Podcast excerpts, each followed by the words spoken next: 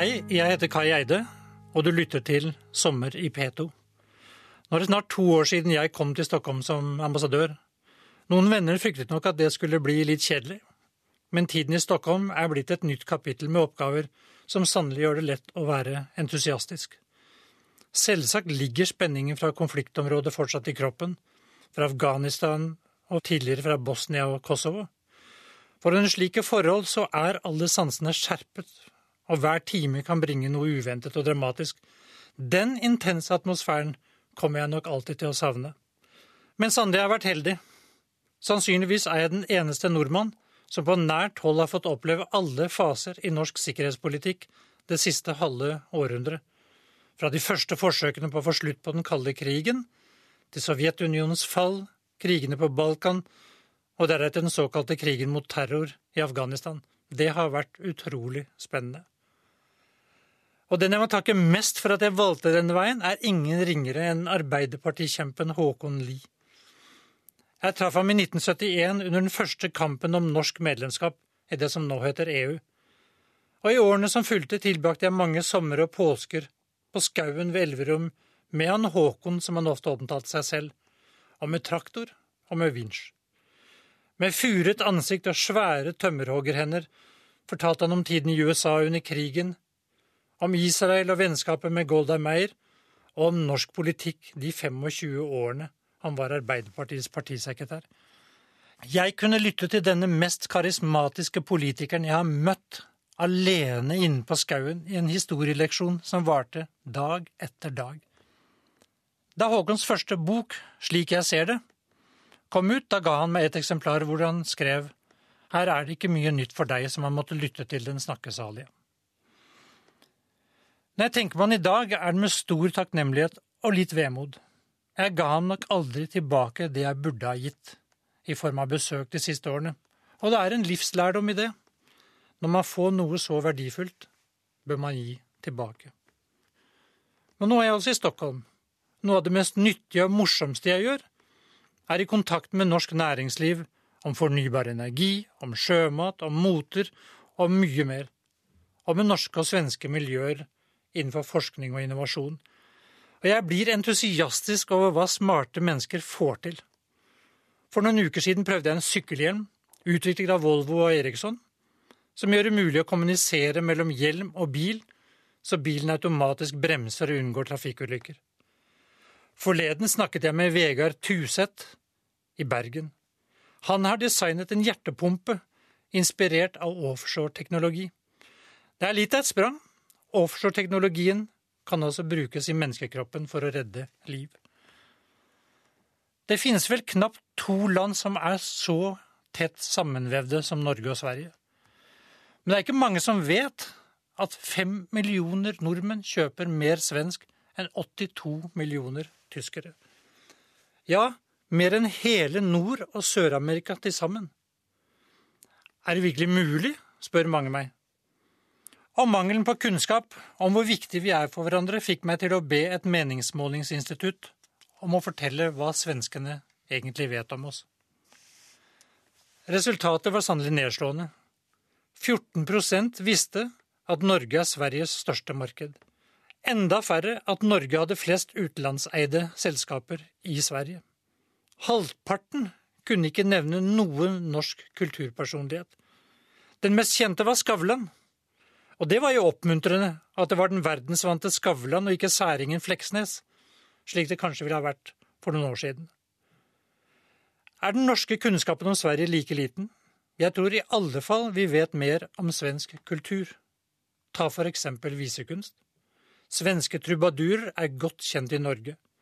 Ikke minst Cornelis Vresvik. Jeg har valgt brev fra kolonien, siden sommeren er her. Mine egne koloniminner er fra Indremisjonens sommerleirer. Denne leiren er nok litt annerledes. Hei sann, morsan. Hei sann, skallen. Nylig samlet vi 300 norske og svenske politikere, forskere og næringslivsfolk i Stockholm. Temaet var om Norden kunne bli et globalt kraftsentrum for innovasjon. Og den norske professoren Torgeir Reve fra BI og Handelshøyskolen i Stockholm fremla en rapport om hvordan vi best kan samarbeide. Dersom de mest avanserte miljøene i de to landene, og i Norden, knyttes bedre sammen, da kan vi hevde oss globalt, mente forskerne. Vi er gode innenfor telekommunikasjon og digitalisering. Vi ligger langt fremme i utviklingen av sensorer, roboter og fornybar energi. Noe av det mest lovende finner vi på helsesektoren. Med andre ord, vi er sterke på områder som kommer til å stå helt sentralt i utviklingen av fremtidssamfunnet. Men hver for oss er vi ganske små. Selv til sammen utgjør Norden bare 0,3 av verdens befolkning. Men vi er også et sted mellom verdens tiende og tolvte største økonomi. Dermed burde vi kunne hevde oss. Snart etablerer NTNU, Universitetet i Oslo og Karolinska instituttet en helseinnovatørskole. Det er helt åpenbart veien å gå. Men innovasjon er ikke bare for forskere, entreprenører og industriledere. Det dreier seg jo egentlig om hvor attraktive samfunnene våre er. Om utdannelse, infrastruktur og livskvalitet. I mindre land som vårt så er vi vant til at vi søker oss ut for å finne inspirasjon og kunnskap. Og det må vi fortsette med. Samtidig må vi få flere til å søke seg hit. Vi må få tak i verdensmestrene. De må se til Norden som et samlingspunkt. May-Britt og Edvard Maaser har klart det. De har nå en stor bygning full av forskere fra hele verden i Trondheim. Jeg nevnte digitalisering. Her ligger de nordiske landene i front, men konkurransen blir tøffere for hver dag som går. I fjor var den globale datastrømmen over grenser 45 ganger større enn den var for ti år siden. Digitale løsninger gjør det nå mulig for selv de aller minste bedriftene og for global rekkevidde allerede fra fødselen. Carl Bildt sa her om dagen at overgangen fra industrisamfunnet til det digitale samfunnet blir like dramatisk som overgangen fra jordbrukssamfunnet til industrisamfunnet. Det er litt av et perspektiv. Nye former for konkurranse kan overrumple oss hvis vi ikke er forberedt. Og er vi forberedt? Her dreier det seg altså om fremtidens arbeidsplasser og fremtidens velferd. Cornelis Westvik kjente nok de fleste. Men så må jeg også reklamere litt for nåtidens helter i svensk musikk. Håkan Hellstrøm samlet nylig 70 000 mennesker i Gøteborg to dager på rad. Her er Valborg. Det er en spesiell tid vi gjennomlever. Mange samfunn preges av helt motstridende utviklingstrekk. På nedensiden globaliseringen, som går i turbofart. På den andre bygges det murer og gjerder for å beskytte mot krefter i omverdenen, særlig flyktningestrømmen. Vi styrter inn i en grenseløs fremtid, men forsøker samtidig å finne beskyttelse bak gamle grenser og nye murer. Selvsagt kan vi ikke ta imot alle, men jeg er bekymret over den retorikken vi møter utfordringen med. Så lenge jeg kan huske, har vi sett oss selv som det solidariske samfunnet, en forsvarer av menneskeverd og mangfold. Nå er det ofte fryktens og restriksjonenes retorikk jeg opplever. Og en slik retorikk er det så lett å konstruere motsetningsforhold. Husk, de aller fleste som kommer nordover, ønsker å yte noe. Å kunne nyte uten å yte er for dem en helt fremmed tanke, og langt fra den kulturen de er vokst opp i. De har mistet flere år av sine liv i krig og konflikt, og ønsker å bygge en fremtid. Så opplever de å bli sendt inn i en lang passivitet og risikere at enda flere år går tapt. I en slik situasjon bør vi avstå fra en språkbruk som skaper større avstand. Retorikken må bidra til integrering. Fremtiden tilhører ikke dem som bygger murer, men til dem som bygger broer, er det sagt. Også på broene skal det selvsagt være trafikkregler. Men all erfaring viser at murene, hvor enn de har vært satt opp, i lengden har måttet vike. Det har gjort samfunnene sterkere og mer dynamiske. Jeg tror det er viktig å huske det akkurat nå, hvor grunnleggende verdier settes på prøve i Europa og nye murer bygges. Undertrykking, overgrep og frykt har preget historien i all tid og i mange samfunn, knyttet til hudfarge, religion, kjønn eller legning. Halv fire lørdag morgen ringte telefonen fra Oslo. Det var beskjed fra NRK om at Gro, hun jeg er gift med, måtte til Louisville, Kentucky. Mohammed Ali var død. Selv fulgte jeg TV-sendingene, og her kom beretningen om kanskje den største bokseren gjennom alle tider og en stor forkjemper for fargedes rettigheter. Muhammed Ali var den første idrettsmann jeg kan huske fra barndommen, utenom ski og skøytesport, selvsagt. Da han kom tilbake fra Roma i 1960 og hadde vunnet OL-gull, gikk han inn i en restaurant i hjembyen. Der ble han avvist. Han hadde ikke riktig hudfarge. Nesten hele 1960-tallet ble preget av borgerrettskampen. Og det er faktisk bare 50 år siden. Det var et annet navn som den gang gjorde et uutslettelig inntrykk. Han er den største taleren jeg noen gang har hørt, og ble en kraftfull inspirasjon for fargede og hvite i og utenfor USA. Bare hør på disse to avsnittene fra hans mest velkjente taler, den ene fra 1963, etter borgerrettsmarsjen til Washington, og den andre fra 1968, dagen før han selv blir drept. Det virker nesten som han vet at han bare har timer igjen. Martin Luther King. I have a dream that one day on the red hills of Georgia, the sons of former slaves and the sons of former slave owners will be, be able to sit down together at the table of brotherhood. I have a dream that one day, even the state of Mississippi, a state sweltering with the heat of injustice, sweltering with the heat of oppression, will be transformed into an oasis of freedom and justice. I have a dream that my four little children will one day live in a nation where they will not be judged by the color of their skin, but by the content of their character. I have a dream today.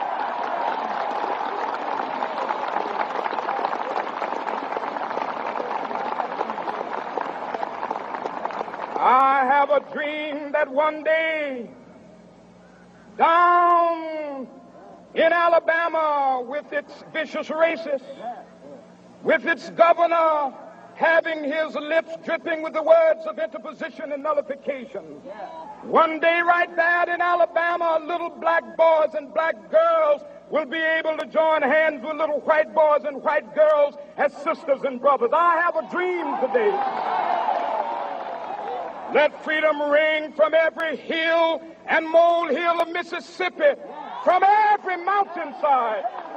Let freedom ring, and when this happens,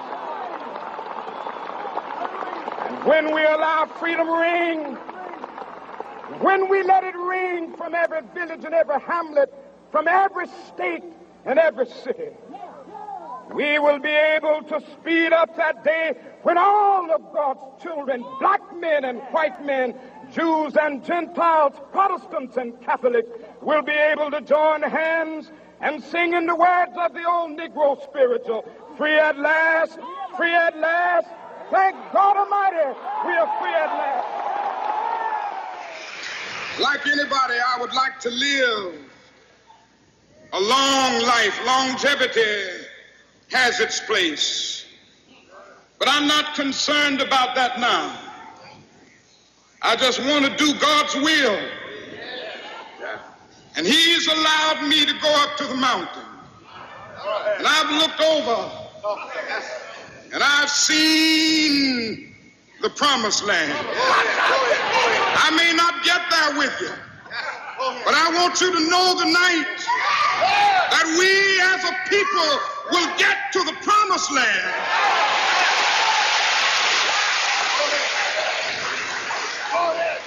So I'm happy tonight. I'm not worried about anything. I'm not fearing any man. Mine eyes have seen the glory of the coming of the Lord.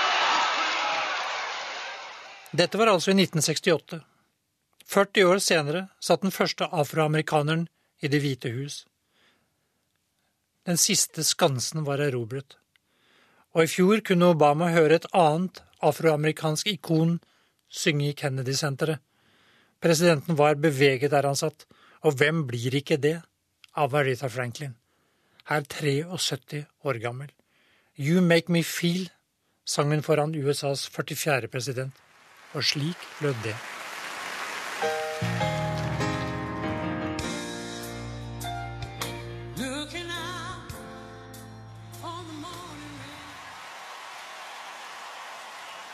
Mitt første møte med den virkelige storpolitikken var i 1977.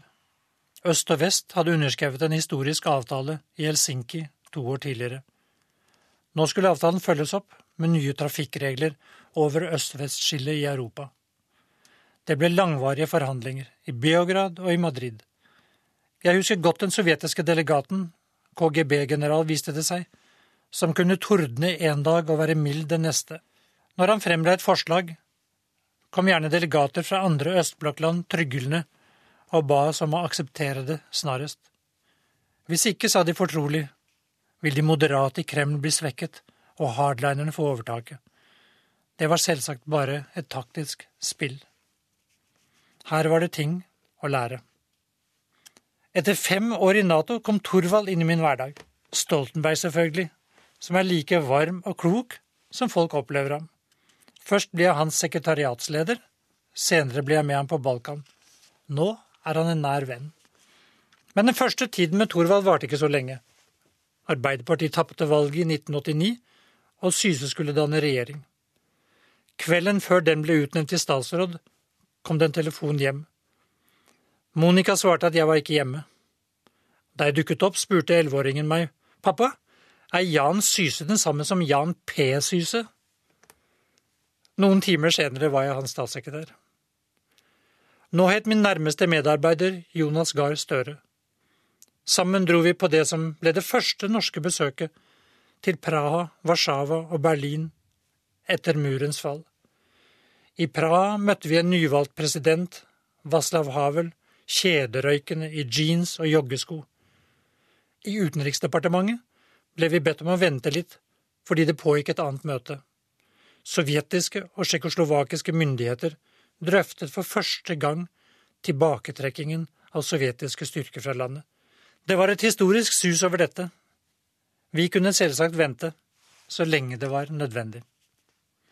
Snart var jeg tilbake i Nato igjen. I desember 1991 ble det første møtet mellom Nato-land og de tidligere østblokklandene innledet. Den sovjetiske ambassadøren ba om ordet for en rettelse til kommuniké, som allerede var i ferd med å gå i trykken.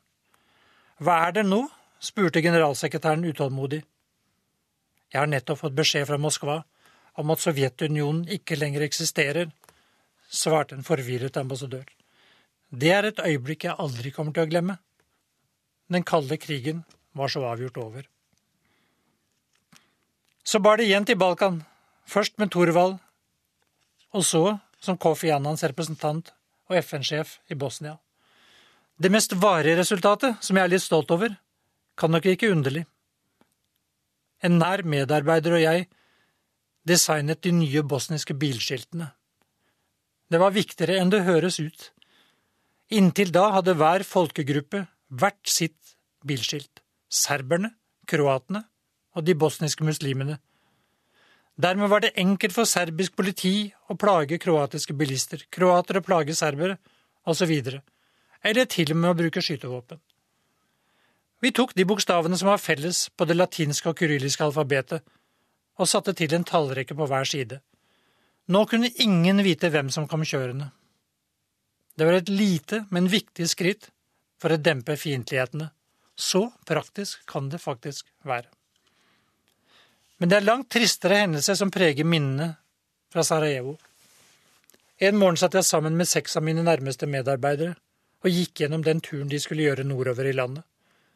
Det hadde vært uroligheter, og FN-politiet var nærmest blitt drevet på flukt. Da møtet var over, dro de til flyplassen, hvor helikopteret ventet. Etter en tid ble jeg urolig. Jeg hadde ikke hørt noe fra dem. Så kom meldingen om at et helikopter var funnet i en fjellside. Det var gråbrunt, ble jeg fortalt, mens vårt var hvitt. Men det er jo vårt, tenkte jeg øyeblikkelig, det er bare utbrent. Etter hvert ble det klart at alle, med unntak av besetningen, var omkommet. De neste dagene var fulle av sorg. og jeg slet med talen for den store minnesgudstjenesten i en fullsatt katedral i Sarajevo. Nina, min ene datter, hadde akkurat gitt meg en CD med musikk av Secret Garden. Det er vakker musikk. Men nå orket jeg ikke å høre på den. Musikken fikk tårene til å renne nedover kinnene hver gang jeg forsøkte. Det tok mange år før jeg igjen kunne lytte til den. Nå kan jeg, og her er A Song from a Secret Garden.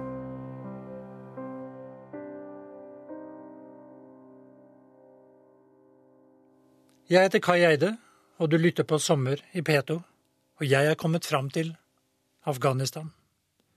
Det er minnene fra dette landet som opptar meg mest av alt. I Afghanistan har krig eller borgerkrig pågått siden 1979. Du må nok være 45 år for å huske noe særlig fra et fredelig land. Og flertallet av befolkningen har aldri opplevd fred. Dagen etter det dramatiske angrepet på Serena, hotellet i 2008, befant jeg meg sammen med Jonas Gahr Støre hos president Karzai. Jonas stilte et uskyldig spørsmål. Hvordan går det, president, med letingen etter en ny FN-sjef? Vi ble begge ganske overrasket da han pekte på meg og svarte jeg vil ha han der. Og to måneder senere var jeg på plass. Som FNs leder i landet. Det ble høydepunktet i mitt yrkesliv. Afghanistan er et land jeg føler meg trukket mot hver eneste dag. Naturen er vakrere og mer dramatisk enn noe annet jeg har sett, men sannelig ikke raus mot folket som bor der. Og det er et folk som behandler deg som sin egen så lenge du opptrår som gjest og viser respekt. Jeg følte meg tiltrukket av naturen, av folket, men også av lidelsene. Jeg visste jo at jeg hadde presidentens tillit. Karzai kunne iblant be meg komme til presidentpalasset tre ganger på en dag. Særlig hektisk ble det etter at Obama hadde tatt over i Det hvite hus og utnevnt Richard Holbrook til sin utsending. Holbrooks brautende form falt ikke i god jord hos afghanerne. Under det første besøket hans i Kabul skjøv han først mine råd bryst til side, og dro deretter videre til en krangel med Karzai. Straks Holbrook hadde forlatt presidentens kontor, fikk jeg beskjed om å innfinne meg der. Karzai var tydelig opphisset over amerikaneren. Holbrook vil bli kvitt meg og deg, sa han intenst. Det er det ingen tvil om. Karzai var en mesterlig politiker som kjente samfunnet sitt. På fredager kunne han ta meg med på møter med de eldste, som det heter, fra landsbyer og distrikter langt fra hovedstaden. Praten gikk løst, og de 20–30 gjestene humret rundt bordet. Jeg forsto selvsagt bare korte bemerkninger fra presidenten til meg på engelsk. På vei tilbake til kontoret hans spurte jeg hva de hadde snakket om. Litt av hvert, svarte Karzai, ikke noe spesielt. Gjestene hadde fortalt om situasjonen i sin landsby, om sine bekymringer, og Karzai hadde lyttet, spøkt og kommentert. Men du må forstå, sa han, at nå drar de tilbake til sine landsbyer og kan fortelle at presidenten tok imot dem med respekt. Det var stammelederen som snakket. Forholdet til Karzai var sannelig ikke bare harmoni. Iblant mente jeg at han var urimelig, og iblant mente han det samme om meg. Noen ganger kranglet vi, men bare når vi var alene. Å gjøre det foran hans egne medarbeidere vil det bety at jeg ydmyket ham og ikke viste respekt, og da vil det gode forholdet være over. Ved et par anledninger måtte jeg også komme tilbake og be om unnskyldning. Jeg hadde ikke forstått hvorfor han tenkte som han gjorde. Det er en annen kultur, og forståelse er nøkkelen til å bli respektert og være effektiv. Når vi har engasjert oss i Afghanistan, Irak, Libya og andre land, har det nok dessverre ofte skjedd uten tilstrekkelig forståelse for disse samfunnene. Derfor har vi heller ikke oppnådd det vi siktet mot. Det er de små seirene og store nederlagene man husker best, og gjerne de som berører enkeltmennesker. En av de gode historiene dreide seg om en afghansk journaliststudent nord i landet. Han var dømt til døden etter å ha lastet ned en artikkel om kvinners rolle i islam. Etter at jeg hadde mast et halvt år, gikk Karzai endelig med på å overføre ham i hemmelighet fra fengselet til min residens. Der gjemte jeg ham i annen etasje. Afghanske og utenlandske politikere vandret inn og ut på møter i huset, og ingen oppdaget han. Men jeg måtte jo få ham videre. Problemet var at straks jeg anmodet en ambassade om visum, da ville hemmelighetene ryke. Redningen kom da den svenske utenriksministeren Carl Bildt ringte fra Stockholm. Han var på vei til Kabul med regjeringens fly. Vel på plass hvisket den afghanske utenriksministeren til ham. Få nå gutten ut. Under møtet med Karzai ble saken overhodet ikke nevnt, men om natten kom Carl med sin kortesje og hentet ham. Gutten lå gjemt i bilen gjennom veisperringene og om bord i flyet, retning Oslo. Karzai visste det nok, men vendte blikket en helt annen vei. For ham var heller ikke saken lett, og heldigvis lekket den ikke ut før halvannet år var gått. Det var en seier. Det største nederlaget kom en morgen i november 2009. Den dagen ble et av våre gjestehus angrepet. Da det hele var over, var fem medarbeidere drept. Senere viste det seg at de fleste ikke var drept av angriperne fra Taliban, men av uerfarent afghansk politi i forvirringen som fulgte angrepet. Ved siden av helikopterulykken i Bosnia var det den tyngste dagen jeg har opplevd. En FN-representant må ofte på reisefot til stormaktene, til møter av utenriks- eller forsvarsministre og til FNs sikkerhetsråd. På veien fra Kabul stoppet vi alltid i Dubai for en natts hvile. Vi tok inn på det samme hotellet og gikk gjennom den samme rutinen. Et glass hvitvin i lobbyen, thaimiddag og så søvn. Første gang jeg kom inn i lobbyen, sto en filippinsk sangerinne der og sang Christina med mer utfordrende klær enn normalt blant lokale kvinner. Snart kom hun ned til oss og spurte hva jeg het. Jeg ga henne fornavnet. Har du noen favorittsang, da? spurte hun. Ja, jeg likte godt den Carly Simon-melodien hun nettopp hadde sunget. Jeg hadde ikke regnet med at når jeg ved senere besøk satte meg ned, tok hun alltid mikrofonen og sa I welcome my good friend Kai, og nå skal jeg synge hans favorittsang. Her er den. You are so vain, Carly Simon.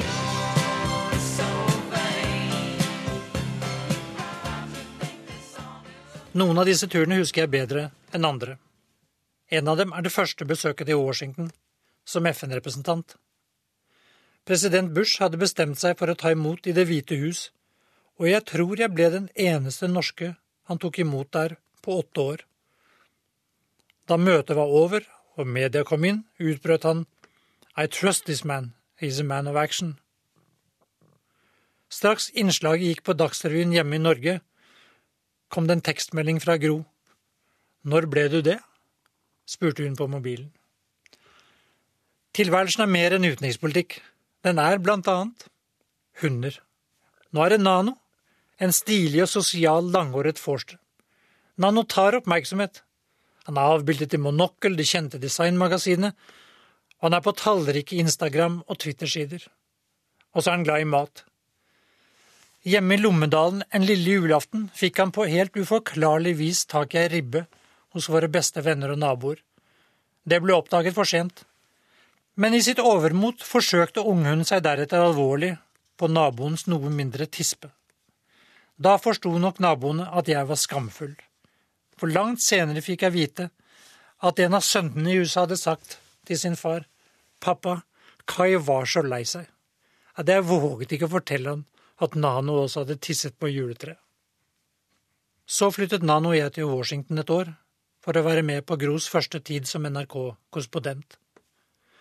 Etter at han den første uken hadde brutt seg inn i fryseboksen i kjelleren og spist halvannet kilo frosne svenske kjøttboller, forsto vi at kjøleskap, frysebokser, brødbokser og alt annet som kunne tenkes å inneholde mat, i noen variant, måtte barrikaderes. Det så etter hvert ganske spesielt ut, med stoler, treningsvekter, tau og annet både på kjøkkenet og i kjelleren. Og så liker han å danse. Når Gro byr opp til dans i Washington, hopper han opp på en benk under et stuevindu. Der er han, klar til hans melodi kommer. Og hver gang hun svinger seg rundt, strekker Nano den ene labben langt frem for å ta imot Gros arm, som han vet kommer.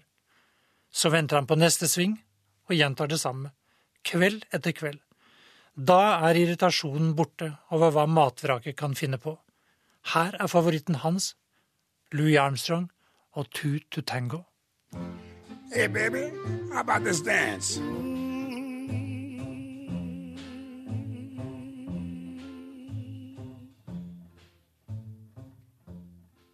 På plass som ambassadehund i Stockholm fortsatte jakten etter mat.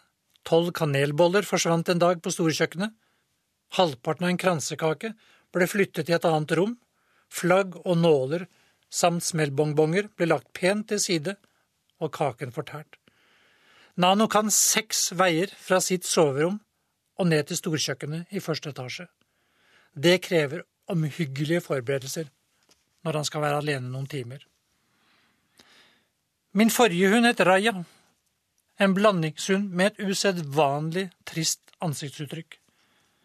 Jeg forsøkte å bli stortingsrepresentant i 1993 og sto på såkalt sikker plass.